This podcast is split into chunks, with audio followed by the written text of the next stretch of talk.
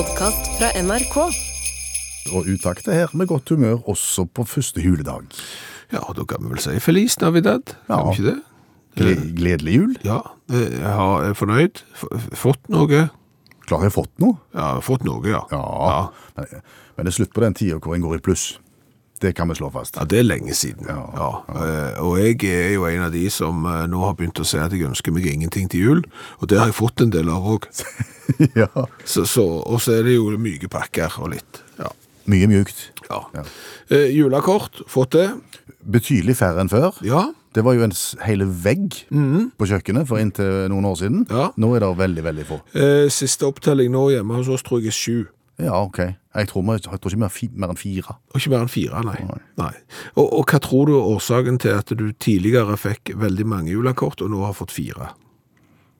Det skyldes nok at jeg delte ut veldig mange julekort sjøl, Ja. så jeg fikk de i retur på en måte. Ja. For, for der er det liksom en sånn stilltiende avtale at jeg får av deg, du får av meg. Ja. Og, og hvorfor har du slutta å gi? Nei, jeg føler jo at dette er noe du gjør når ungene er små, Ja. Og opp til en viss alder, og så blir det liksom litt rart å stille opp liksom 22-åringen og sånt. ja. For, for- fordi at den der kunsten som var i gamle dager, når du vokste opp, når foreldrene dine satte seg ned og skrev julekort på det som faktisk var et julekort, med gjerne et tegnt bilde av noen andre, eh, til å bli et julekort der du hadde salt opp familien, der har det jo skjedd ting. Så du skriver ikke sånn julekort nå, f.eks. for eksempel der det er bilder av eh, en nisse eh, på, på slede som er tegnt av en eller annen. Eller fugl i et nek. Ja. Nei. In, ingen sånne. Nei. Og ingen sånne lange historier på kortene heller. Nei. At ja, nå har et år atter en gang gått, og sånn. Nei. Helt enig. Eh, og, og sånn er det hos oss òg. Eh, og, og det syns jeg egentlig er en grei avtale. Eh, at jeg får ikke julekort eh, av folk fordi jeg har for, for store unger. Men så de jeg har fått, da, det er jo fordi at det er noen som ikke har så store unger. Ja, ok. Så vi har fått julekort av de. Ja. Og så kan jo jeg da si igjen, ja, tusen takk for julekort. Du får ikke av oss i år, for ungene er blitt så store. Og det stemmer på julekort nummer én, på julekort nummer to, på julekort nummer Ja, du skjønner hvor jeg skal hen? Ja. ja helt fram til julekort nummer seks. Hva skjer da? Da får jeg julekort av noen som har unger som er like gamle som mine, og vel så det. Ei. Ble, ble, ble det overlevert fysisk? Det ble overlevert fysisk, ja. Og der står du og er svar skyldig, da? Ja, for da kan jo ikke jeg si at vi har ikke eh, julekort tilbake igjen, for ungene er blitt så store, fordi at de har jo unger som er like store voksne som våre, og, og da vil jo jeg på en måte liksom Ja, Da ligger det implisitt at du syns det er litt tåpelig å lage julekort når de ungene er såpass store. Ja, ja. For, for jeg har fått ett til, som sagt, jeg har jo fått syv, eh, og nummer syv òg er av unger som er like store som våre, og vel så det, men det kom i posten. Da er det lettere. Så da trenger jeg for så vidt ikke liksom si noe, da bare liksom, jeg får aldri tilbake igjen, og så tenker du at dette her går sikkert over neste år, Ja. når de ser at du ikke har fått de fra, fra oss. Men den der fysisk overlevering, og vi har ikke gitt tilbake igjen, for ungene våre er så store, og det burde dere faktisk også ha tenkt på. Det kan du jo ikke si. Nei, nei, nei, men hva sa du da? Jeg ble, det, det kom nesten litt bardust, jeg tror jeg sa takk for det gamle, det ble jo bare rør, vet du, sant? For Du må jo sitte helt i ro i båten, det ble bare dumt. Takk for det gamle. Ja, det var litt grann Litt tidlig. 18. desember.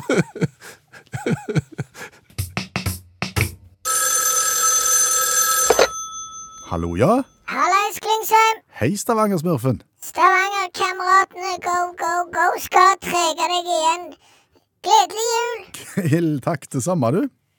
Hatt en bra ju- julaften. Ja da, kan ikke klage. Hvordan har det vært med deg? Faktisk overraskende bra. Har du hatt en god julaften? Det var kjekt å høre. Ja, for, for, fordi at i år har, vi kjørt det litt annerledes. Hvem er med? Det er meg og kajakken. Naboen? Ja. Mm, Alle julene, liksom. Mm. Som har vært før. ja. Så har jeg prøvd liksom også å hige og streve etter noe som er liksom perfekt. Ok. Og så har det liksom aldri blitt helt sånn som jeg eh, så for meg. sant? Store feiringer med mye folk og, og sant? stor ståhei og alt det der greiene der. Mm. Og, og i år så, så ble det rett og slett bare meg og kajakken. Syns kajakken òg det var ok? Ja, veldig. Bra. For, for vi fant vel ut at vi er oss sjøl nærmest. Mhm. og, og det er klart, når, når mora til kajakken Ja. Hun har reist vekk i jula. Hun, reiste med de der flamingofolka, vet du. De som vi snakket om forrige uke, ja. Ja, Lang historie kort, men hun har jo i en alderen over 90 kommet inn i sånn swingersmiljø. Har ikke lyst til å høre mer om det. Nei, ikke jeg heller, men hun, hun har da reist på en sånn en, en ferie med de til noe sånn land. Sikkert. De har tatt seg av hun, så, så hun smiler jo som hun aldri har smilt før. Og dermed så var det på en måte bare meg og kajakken igjen. Ja, For du og din familie, der er det litt svarte hull. Det vet vi ikke så mye om. Ja, Far min aner jo ikke hvem er, og mor mi hun er ikke der lenger. Så, så det er på en måte meg og kajakken. Jeg, jeg konkluderte med det at hei, han er min nærmeste familie på godt og vondt. Så, så nå tenkte jo vi, sant, altså hvordan har det siste året vært? Det har jo vært stupbratt, akkurat som året før det, men vi har gått på et par smeller og sånn. Ja. Så, så vi tenkte jo eh, ok, litt ettertanke, eh, tenkte vi. Og så tenkte vi det er jo folk som har det verre enn oss likevel, for vi har jo hverandre. Mm. Så, så da inviterte vi inn de som ikke hadde noen plass å være, Oh. på, på julegrøt på formiddagen.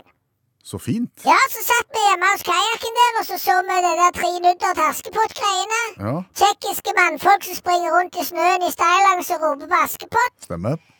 Og, og det ble koselig. Hvem var det som kom da, da? Nei, da kom, kom de som jeg kaller gjerne for byens løse fugler. Oh.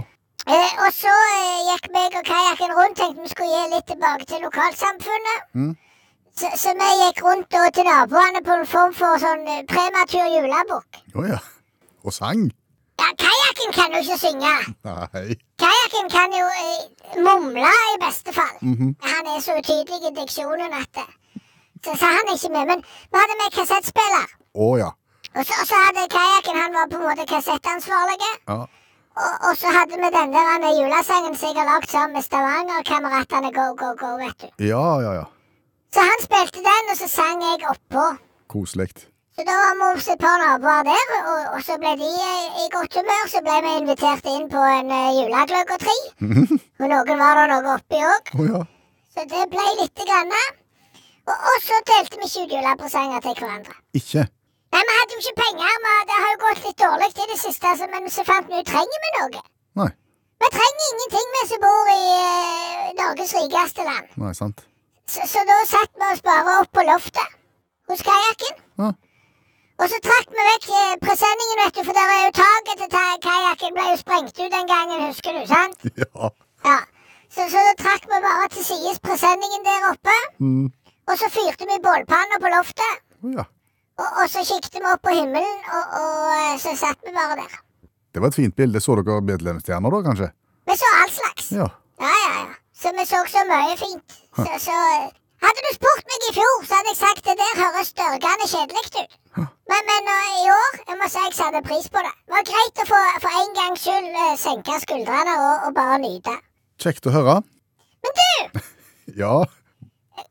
kunne ikke du, Klingsheim? Kvinnesland heter jeg. Ja, ja, samme kan det være, må du se litt stort på det, da. Mm.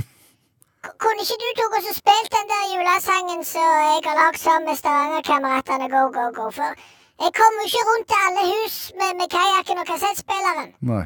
Så det blir på en måte min gave til, til det norske folk. Og så får du noe kvalitet inn i det radioprogrammet ditt sant? Før, før du går inn i det nye året. Det, det hadde folk hatt bruk for. Vi skal gjøre det. OK. Snakkes! Nå sier vi ha det. Ha det! Du, Østre Porsgrunn kirke er Norges styggeste kirke. Jeg husker vi var innom en kåring der for noen år siden. Ja, eh, avisen Dagen. Ja. Så gikk den dagen òg, Ja. eh, og så ble det kåra til Norges styggeste kirke. Rossebø kirke, det er kirka du har gått i, Den ligger i Haugesund. den ble nummer to. Å ja. Ja. Mye betong der. Ja. Men eh, Ja, ja. Det kan jo være annerledes. Det kan jo kanskje være verre òg. OK. Du kan jo eh, ha ei kirke som ser ut som en uh, sinte fugl. Det, det går selvfølgelig an, men det er ikke vanlig. Nei, eh, Madeira Beach Church by the Sea Det syns jeg er så bra navn at det er helt Madeiras Beach Church Nettopp. by the Sea. Altså, han ligger jo ikke på Madeira da, han ligger i USA. Eh, den eh, ser ut som en fugl. Hvor står fugl? Ja, den, altså, den er bygd, bygd i 1944. Det er jo litt vanskelig å beskrive bilder på, på radio. Ja, Sitter du med bilder på skjermen nå? Ja, ja. Er det enda dårligere radio hvis programlederen må for, forlate sin mikrofon og komme bort på andre siden og se fuglen hos meg? Jeg føler at Hvis vi skal snakke videre om dette, så må jeg et inntrykk av hva vi snakker om. Ja, kom, kom bort. Ja, ok. Nå kommer programleder bort på andre siden av pulten for å se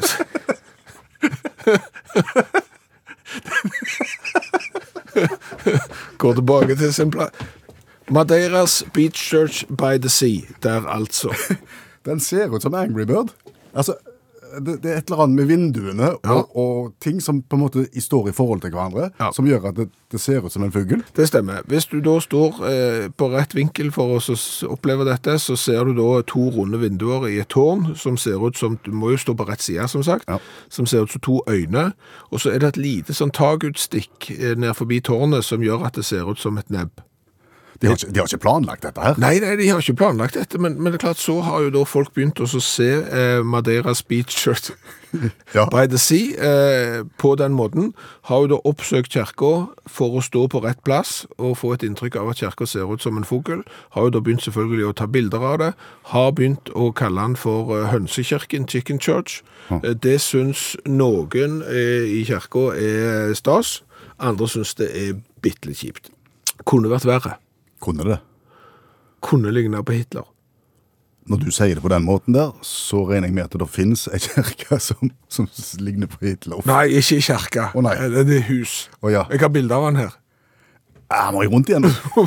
Det er veldig, det er veldig dårlig radio når Her ser jeg ikke Hitler. Ser du ikke Hitler? Nei.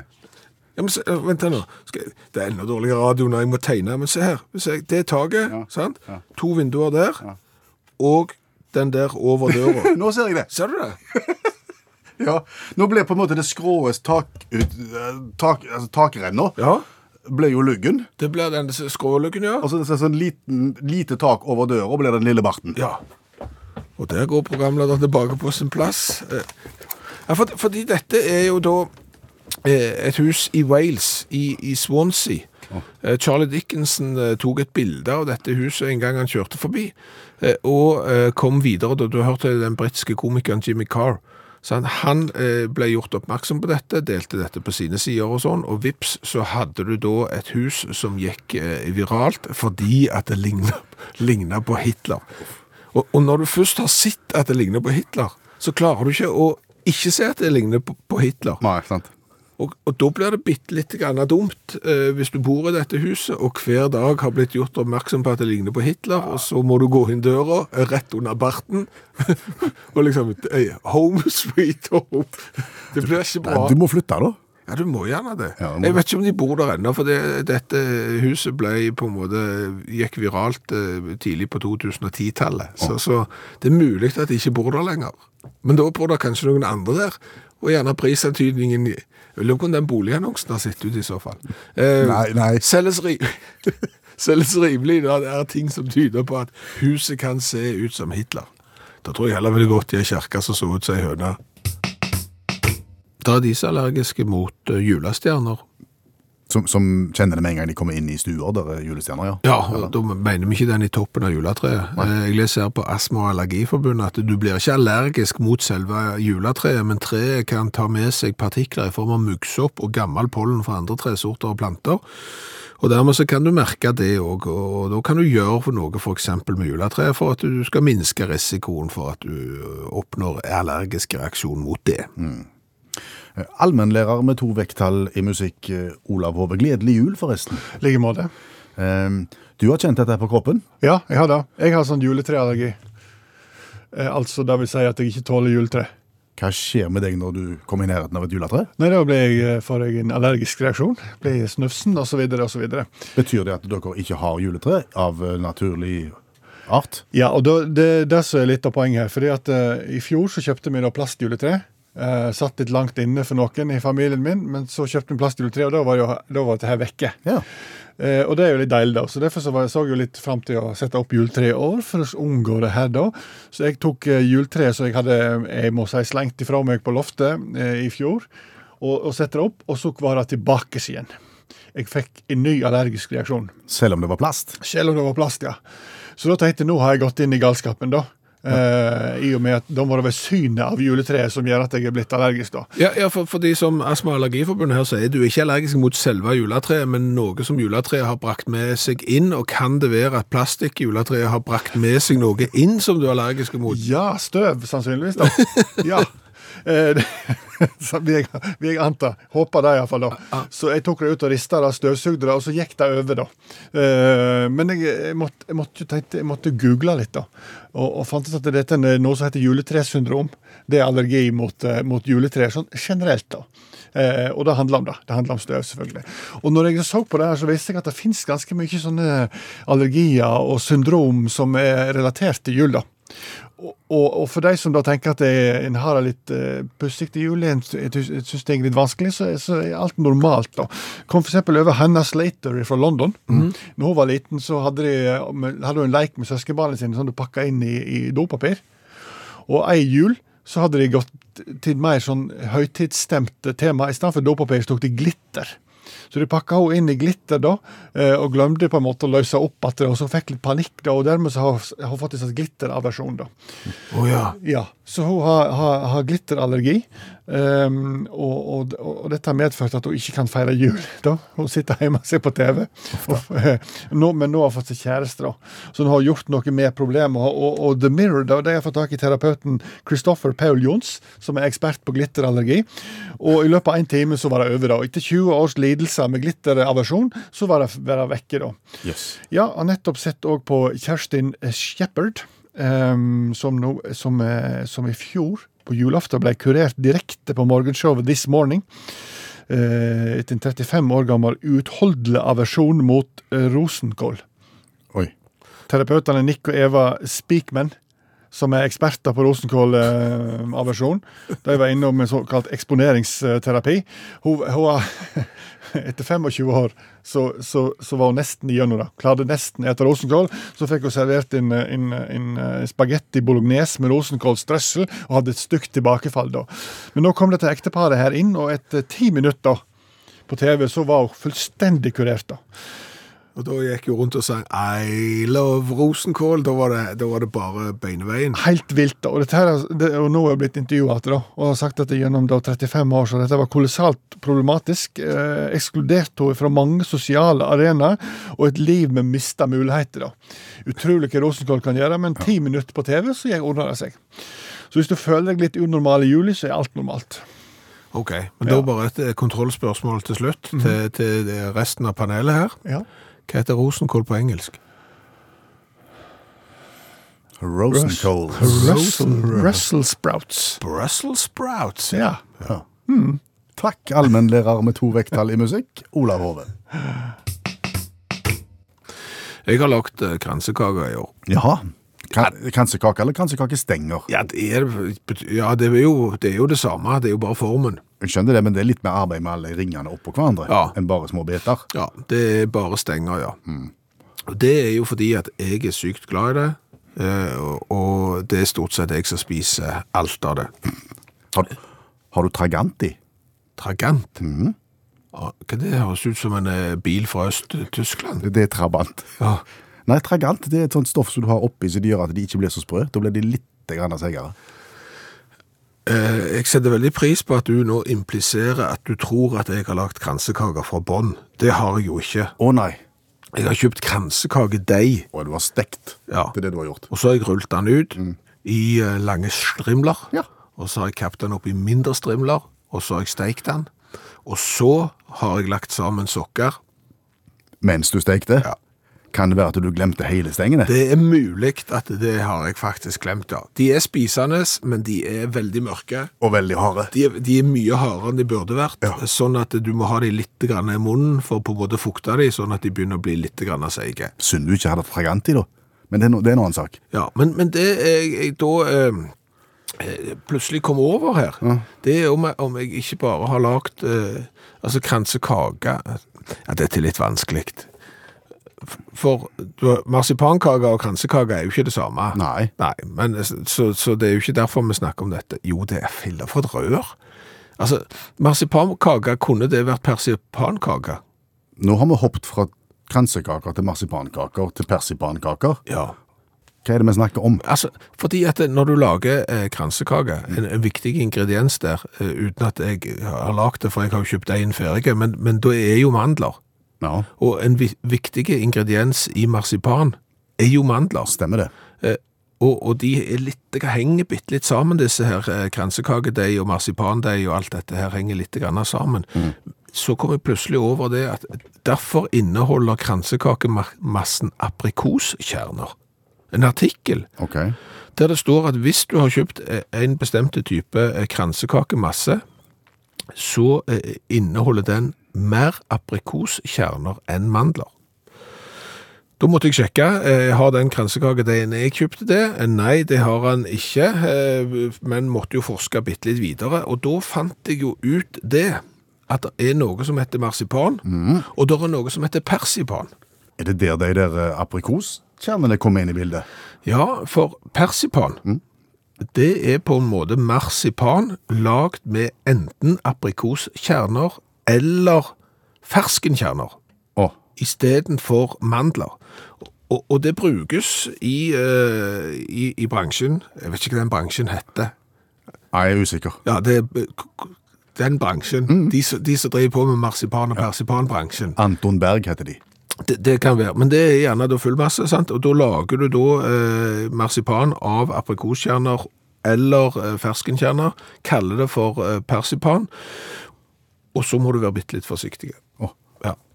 For, fordi at hvis du da hiver deg for tungt inn på disse kjernene her, da, så kan de eh, inneholde noe som ikke er helt godt for deg, nemlig.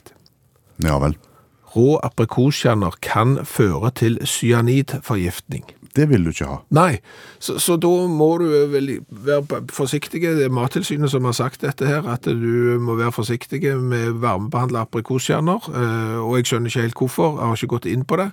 Men, men det er klart at hvis jeg da hadde lagd meg kransekaker tilbake til utgangspunktet her, som viste seg å inneholde store mengder eh, aprikoskjerner, som igjen gjorde at jeg eh, fikk ikke bare at jeg stekte de for mye og at de ble for harde, i tillegg da skulle få få cyanidforgiftning, da hadde jeg følt meg bitte litt grann eh, snøden. Ja, utrivelig jul. Snutt. Litt utrivelig i jula. Absolutt. Ja.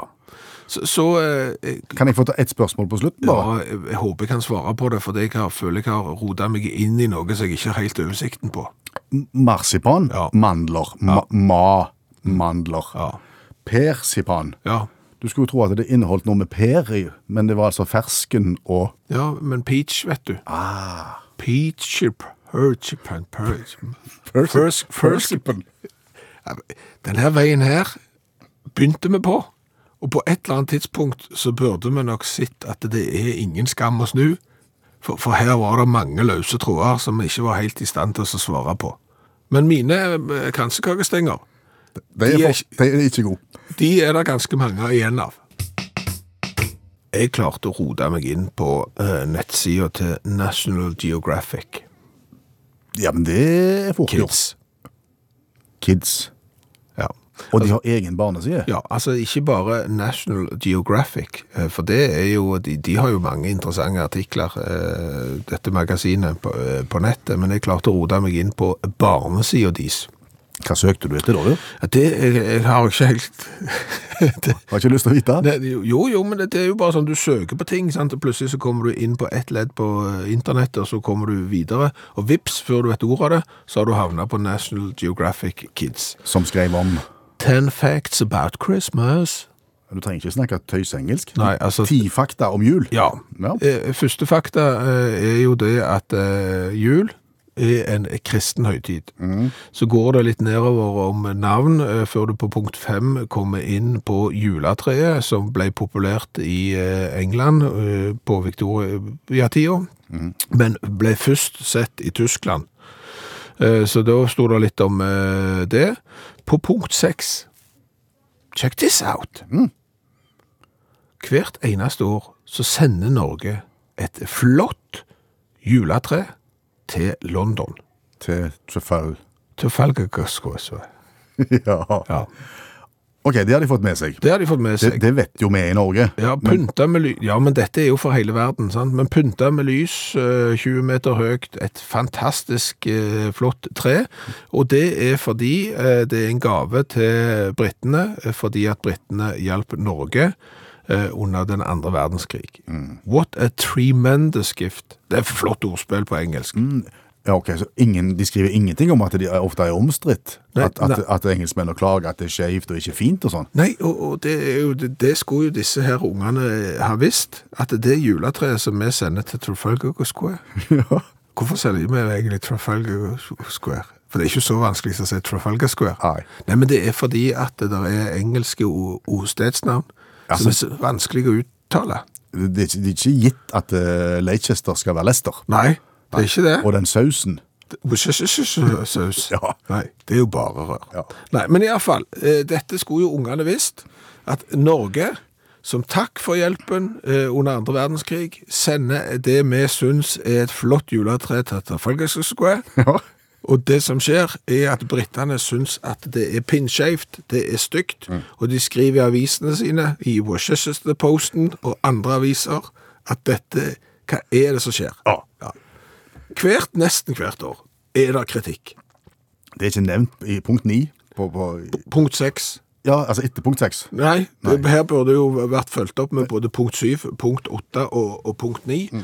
Og det som også kunne vært fulgt opp da i artikkelen her, er at er det noen i hele verden som ikke skal klage på et eneste offentlig juletre, så er det britene sjøl. Der har vi sett eksempler eh, når de har forsøkt på egen hånd. Ja. Det blir ikke bra, det heller. Og vi har vært innom det i dette programmet senest i år. No. De klarte jo eh, i en by, eh, en liten reisetur eh, fra London, å sette opp det som kanskje må være det skjeveste offentlige juletreet noensinne. Det var mye skjevere enn det skjeve tårnet i Pisa. Ja.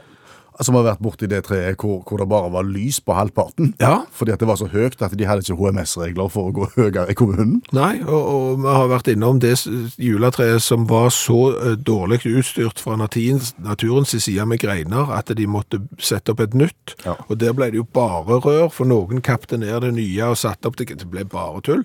Så, så engelskmennene må bare sitte helt i ro i båten. Og National Geographic Kids ja.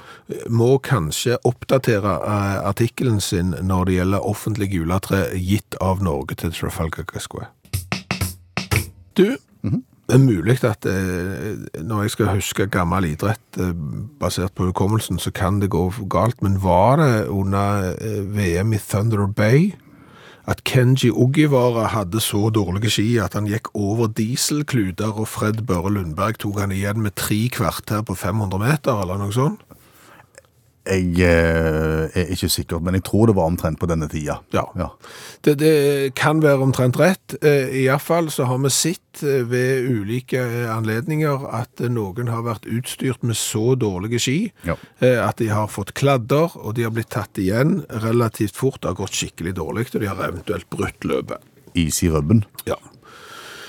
Kunne det ikke vært ganske artig å sitte eh, idrettsgreiner der alle hadde dårlig utstyr, Femmil med, med kladder. for eksempel?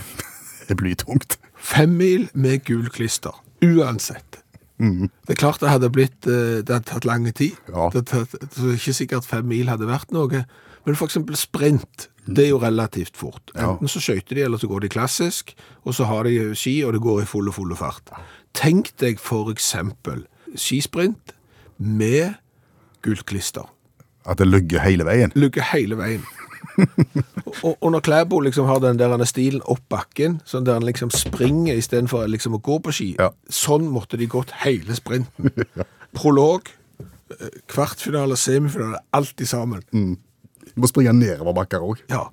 Og en annen fordel med dette er jo at kanskje forskjellen eh, på eh, hvem som har gode og dårlige ski, ville vært mye mindre. Ja, for du har ikke sånne svære smørebusser og smøreteam og, og vitenskap bak deg. Ja. Nei, skjønner. Og, og, og det er jo sånn ofte at de store nasjonene kommer best ut av dette smørekappløpet. Plutselig i år så har amerikanerne gjort det ganske bra fordi at vi har slutta med fluor, og amerikanerne har funnet hvordan de skulle lage feste på på langrennsskiene, og vips så har du hatt en del amerikanere der oppe. Men, men det er klart hvis alle hadde eh, elendige ski pluss, så kunne det jo blitt A, jevnt, og kanskje mye mer interessant å se på. Kunne det vært gøy med, med bakglatte ski?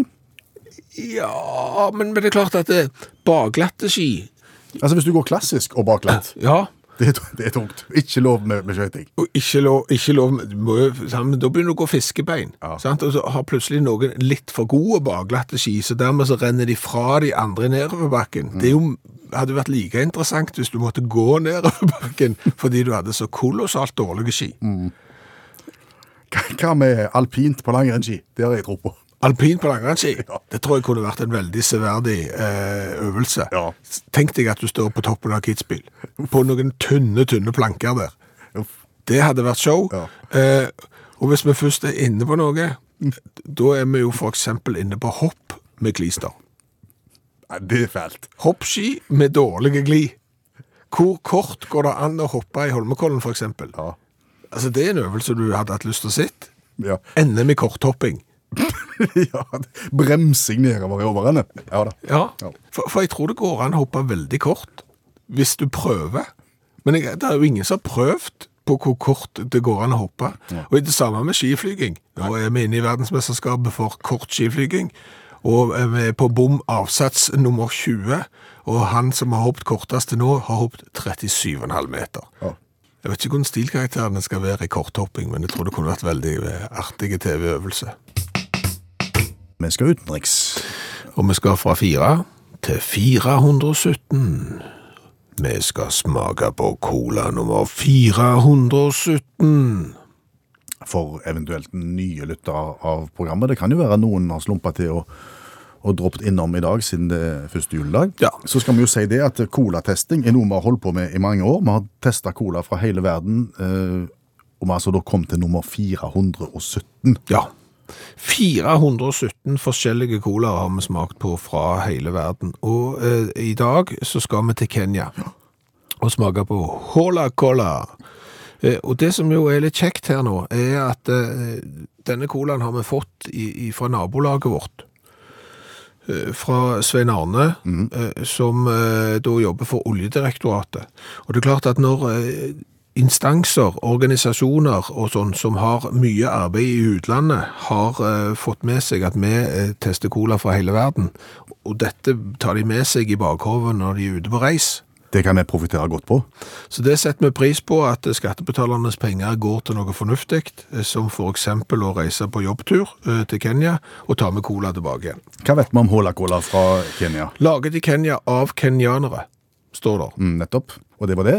Nei, det er ikke bare det, men, men det synes jeg jo er litt rart. Det var veldig sånn nasjonalistisk. Det er klart de kan være stolte av at de har en eh, Kenyas cola, altså, eh, men liksom, må den være lagt av kenyanere? Lagt i Kenya av eksempel en chilener er han dårligere for det. Han er lagt i Nairobi da. Og så eh, skal du høre hva de sier. Nå skal jeg ta på meg den engelske stemmen. For det hola, det har du gjerne sagt eh, når du er i Spania. Det er jo hei. Hey. When you say hello, you have the power to change a people's world. And yours too. Sant? En liten hilsen Ja. kan forandre folks hverdag. We should refuse to accept a world in which people look past one another as though they don't exist. Ok, vi skal bli flinkere til å se hverandre, og vi skal si hei. Ja. Be the change. Just say hi. Just say hola. Skal vi bare smake nå? Ja, jeg synes jo det ble bitte litt mye. Ja, det. Eh, plastikkflaske. Plastikkflaske 033, er det det? Nei, Nei. 301 milliliter. Aldri hørt om før. Aldri hørt om jeg heller. Eh, Og så har han sånn et skrumpa magebelte i plast eh, som ser ut som et mønster som du sikkert kunne kjøpt deg en eller annen sånn en poncho eller kjole av i eh, Nairobi hvis du var der. Eventuelt slips. Det er nesten, nesten slipsmønster. Ja, kan være. Og så står det håla på midten. Håla på midten. Er du klar? Ja. Skrukork. Håper det er kullsyre. Ja. Det er der. Og den er veldig svart. Og lukter Litt uh, sitruscola.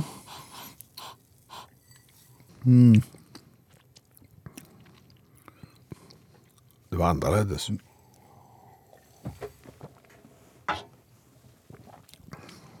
Syrlig.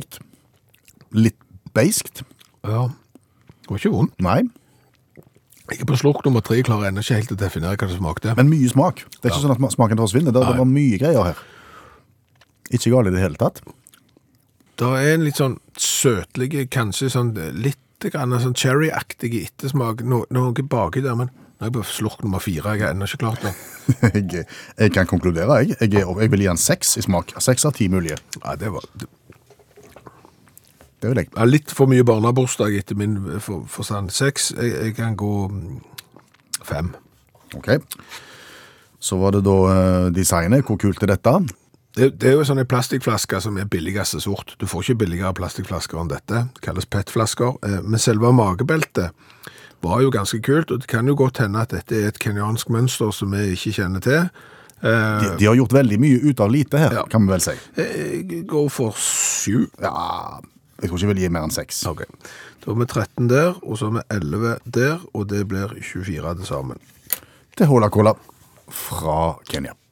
Laget i Kenya av kenyanere. Du, eh, og av ting vi har hørt før, eh, det var det vi hørte i første time av uttakt eh, i kveld, nemlig at hvis du bare blir eksponert for eksempel for eh, eh, f- visse former for julepynt, sågar rosenkål, eh, så kan dette medføre eh, sterke aversjoner eh, på grensen til fobi. Det var du, allmennlærer med to vekttall i musikk, Olav Hove, som fortalte oss om både rosenkålfobi og, og glitterfobi. Eh, Men det er mer der ute. Ja, det er det? Og det er en del som jobber med det. Eh, og jeg liten følelse at det kan være at det er litt overdrevet enkelte ting. Men eh, jeg, Malcolm Strudders, han er skotsk hypnoterapeut. Han er spesialist på høytidsrelaterte fobier. Ja. Det er bare å, eh, I praksis bare å knipse deg inn i hypnose, så ordner det meste seg. Hvis du f.eks. har aversjon mot pinse, så, så, så er han mannen.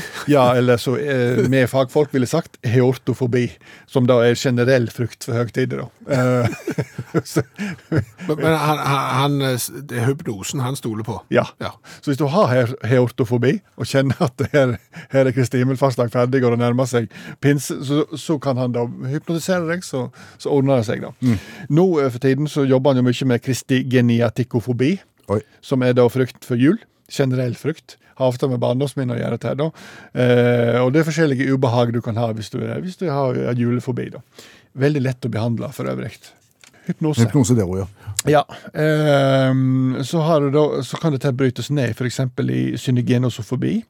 Det var Eh, synegenosofobi. Det er frykt, angst, hetetokter etc. i møte med slektninger eh, på jul i høgtiden. det, er mange som har, tror jeg. Eh, det er veldig vanlig. Eh, og det trenger ikke gi mening, da, men hvis du møter en fjern onkel, da, så kan, og du kjenner hetetokter, frykt, angst osv., så, videre, så har du sannsynligvis synegenosofobi. Veldig lett å behandle. Eh, Hypnose. Hypnose. Ja. I tillegg til det så finnes det en del særefobier. og da kan du tenke deg sjøl. Eh, eklesi- eklesiofobi, da.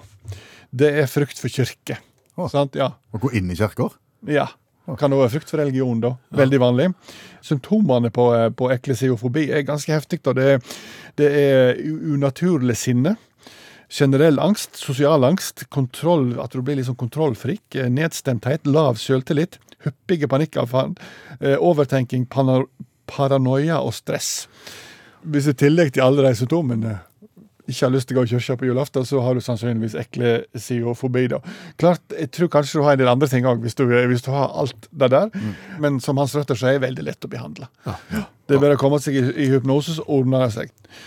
Uh, Så har du sysnofobi. Det- Sysno. Sysnofobi, ja. Det er, det er på en måte frykten for å bli kysset under misteltein. da.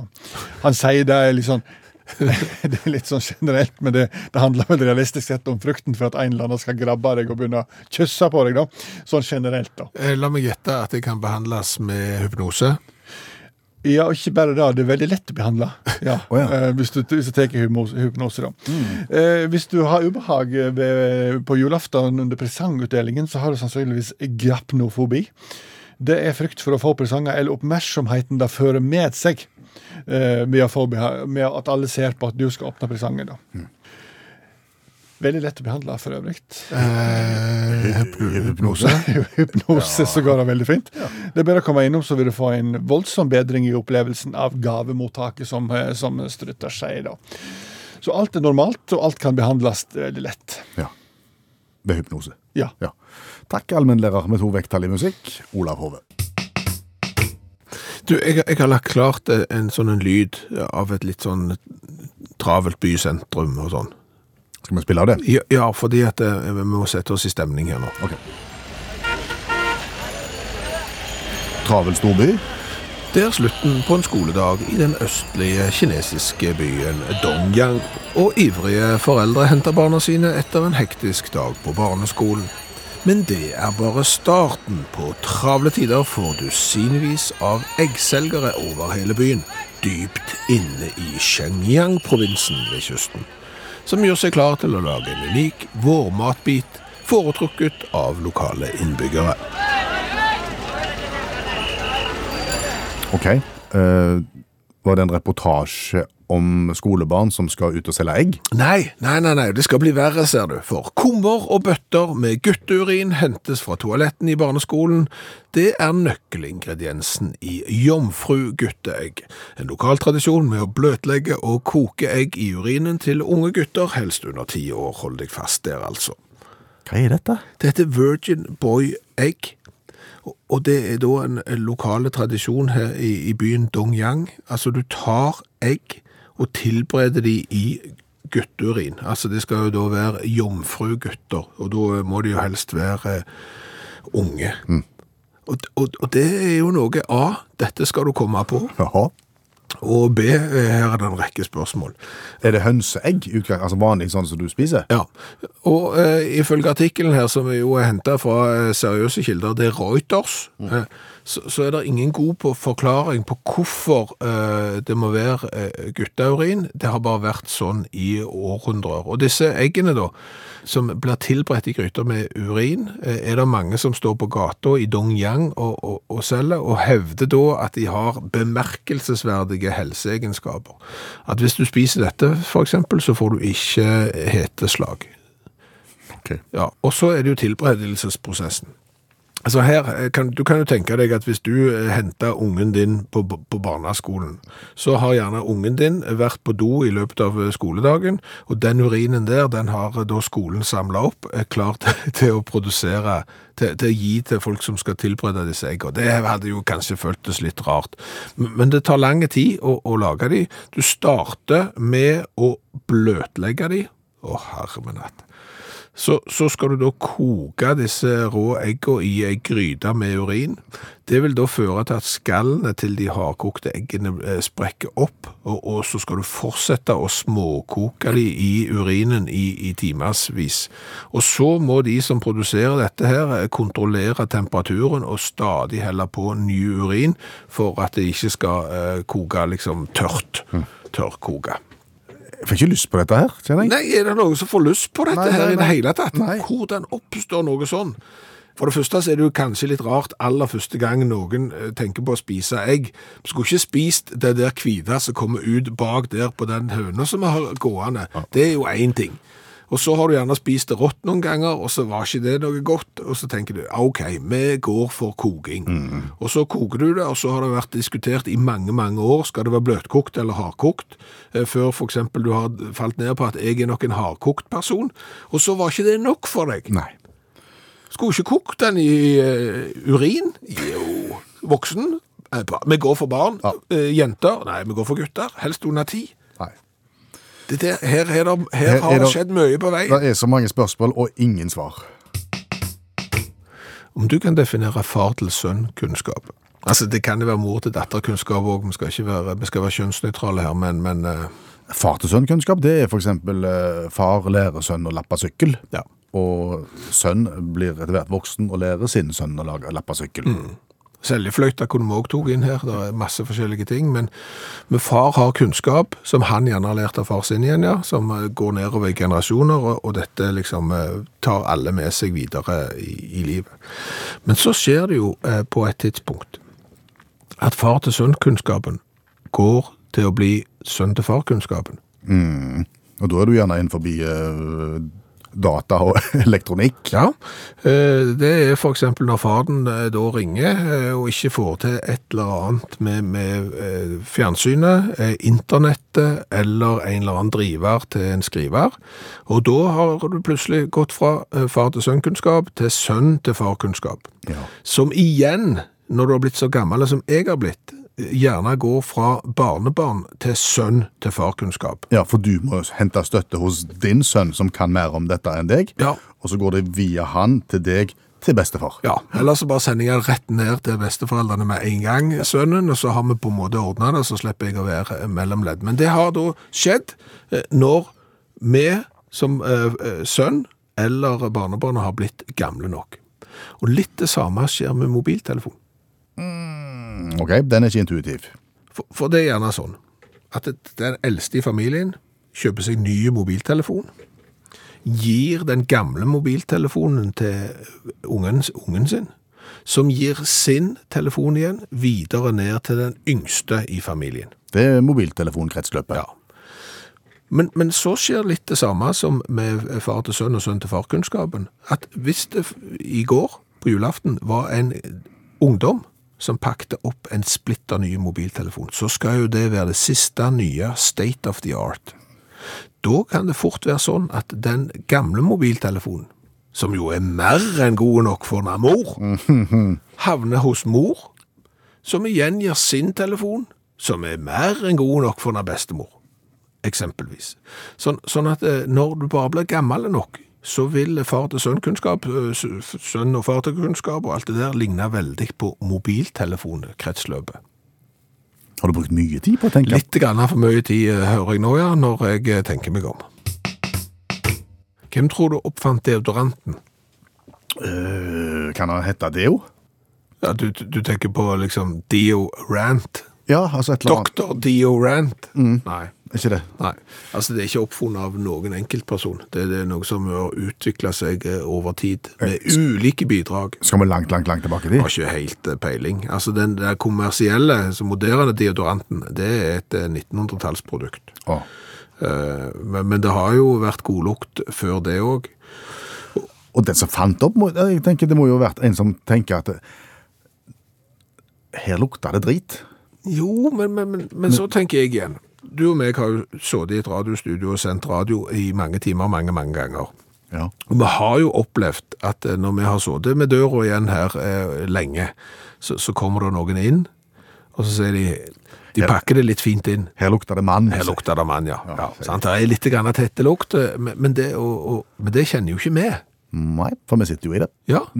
Så, så, så vi, vi har jo levd i det, så vi har jo ikke kjent det. Du må komme utenfra og inn. Og, og jeg tenker, før det var godlukt, og før det var parfyme og deodorant og sånn, så må jo stort sett alle ha lukta like vondt. Så hvem er det da som har kommet inn og sagt, her lukter det litt for mye mann?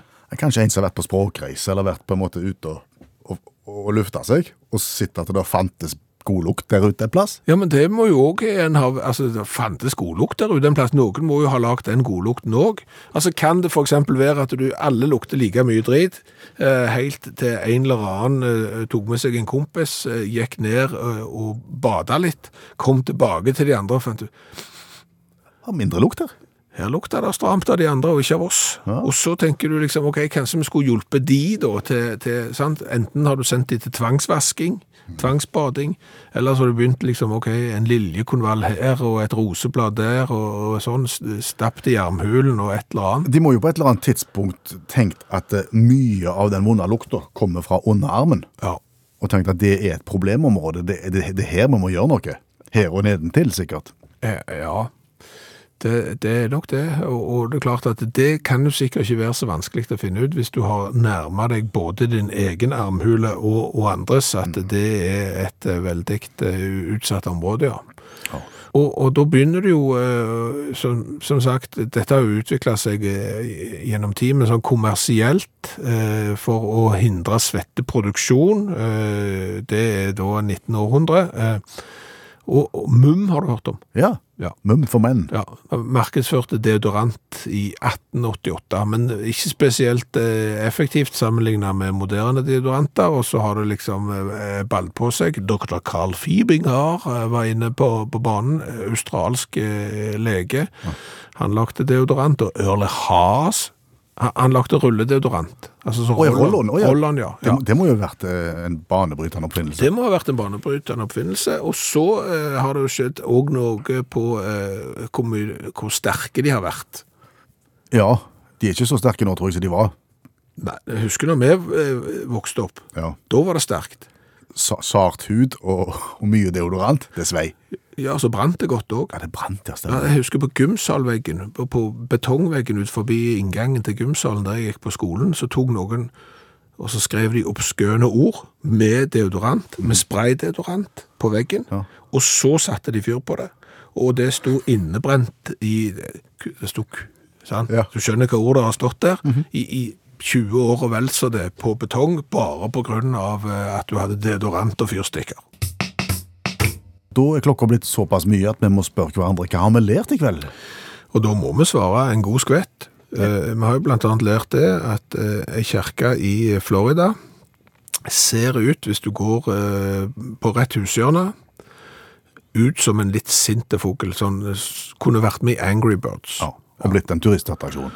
Blitt en turistattraksjon eh, av det, ja. Eh, Det kunne vært verre. Det kunne jo for eksempel vært eh, sånn som huset i Swansea i Wales, som ser ut som Hitler. Hvis du først har sett at huset ditt ser ut som Hitler, så klarer du ikke å ikke se at huset ditt ser ut som Hitler, og da kan det kanskje bli litt grann trist. Og så har vi vel lært litt om marsipan og persipan. Ja, det er noe som heter persipan. Eh, Det var vi ikke helt eh, klar over, men det er på en måte når du da eh, lager marsipan uten mandler, men isteden bruker aprikos eller fersken kjerner. Det er godteri som bruker persipan og ikke marsipan. Det kan godt være vi sprenger inn vidåpne dører nå. Det skal du bare være oppmerksom på. Det er ikke første gangen vi har gjort det i dette radioprogrammet her, så det trenger du ikke frykte i det hele tatt. Vi har sagt ting som vi synes var oppsiktsvekkende, som folk visste fra før. Eh, Så har vi jo lært det at hvis du har slutta med julekort fordi at ungene dine er blitt for gamle, Ja. så så ha en forklaring klar. Altså, tenk på forhånd hvordan du da skal ta imot de familiene som har like gamle og kanskje enda eldre unger enn deg. Og så komme på døra med julekort. Ja. ja. Da må du ikke bli tatt på senga og si takk for det gamle. Eh, Du må på en måte være klar ja. med en forklaring, for du kan ikke si nei, vi har slutta for ungene våre er så gamle, det burde du òg ha gjort. Det, Det ble ikke fint. Nei. Eh, Så har vi lært det at eh, barn i den store vide verden eh, lærer da eh, gjennom National Geographic sin nettside for barn om juletradisjonen der Norge gir juletre til London. Det står ingenting om at uh, londondenserne, heter det det? De fra London. De fra London, at de alltid klager på de. Nei, Det står det ingenting om. Det står det ingenting om, så det skulle bare ungene ha visst. Så har vi lært at kineserne er ikke hakket riktige. Nei, fordi de koker egg i gutteurin for å mot... Hva, hva var det de Ja, gjorde? det, det vil jo blant annet være godt for uh, mot heteslag, visstnok. Men altså, da skal du koke egg i dette jomfruguttegg. Altså, du skal ha da gjerne ti år gamle gutter sin urin, så du skal koke eh, egga i. Eh, og dette skal være godt for eh, all slags. Det historien ikke har klart å forklare, det er hva da for? Nettopp. Det er helt meningsløst å ha kommet på det, men ok. Og så har vi jo til slutt lært at det er sikkert mange ungdommer som har fått ny mobiltelefon til jul. Eh, Det gjør jo da gjerne at mor, far, bestemor eller bestefar eh, får den gamle telefonen av ungdommen, Mm. og, og, og dermed så har du satt mobiltelefonkretsløpet i gang. Det ruller og ruller og ruller. Men dette programmet er ganske snart slutt. Per Øystein Kvindesland heter jeg. Bjørn Lars Skjæveland heter jeg. Takk for laget, sier vi, og ha ei fortsatt god romjul. Er det nå vi sier takk for det gamle? Det, det er tidlig, men, men i og med at vi er ikke tilbake igjen før første nyttårsdag, Ja. så kan vi jo egentlig si det. Da sier vi takk for det gamle nå, så sier vi godt nyttår eh, på første nyttårsdag. Ja, god plan. Du har hørt en podkast fra NRK. Hør alle episodene kun i appen NRK Radio.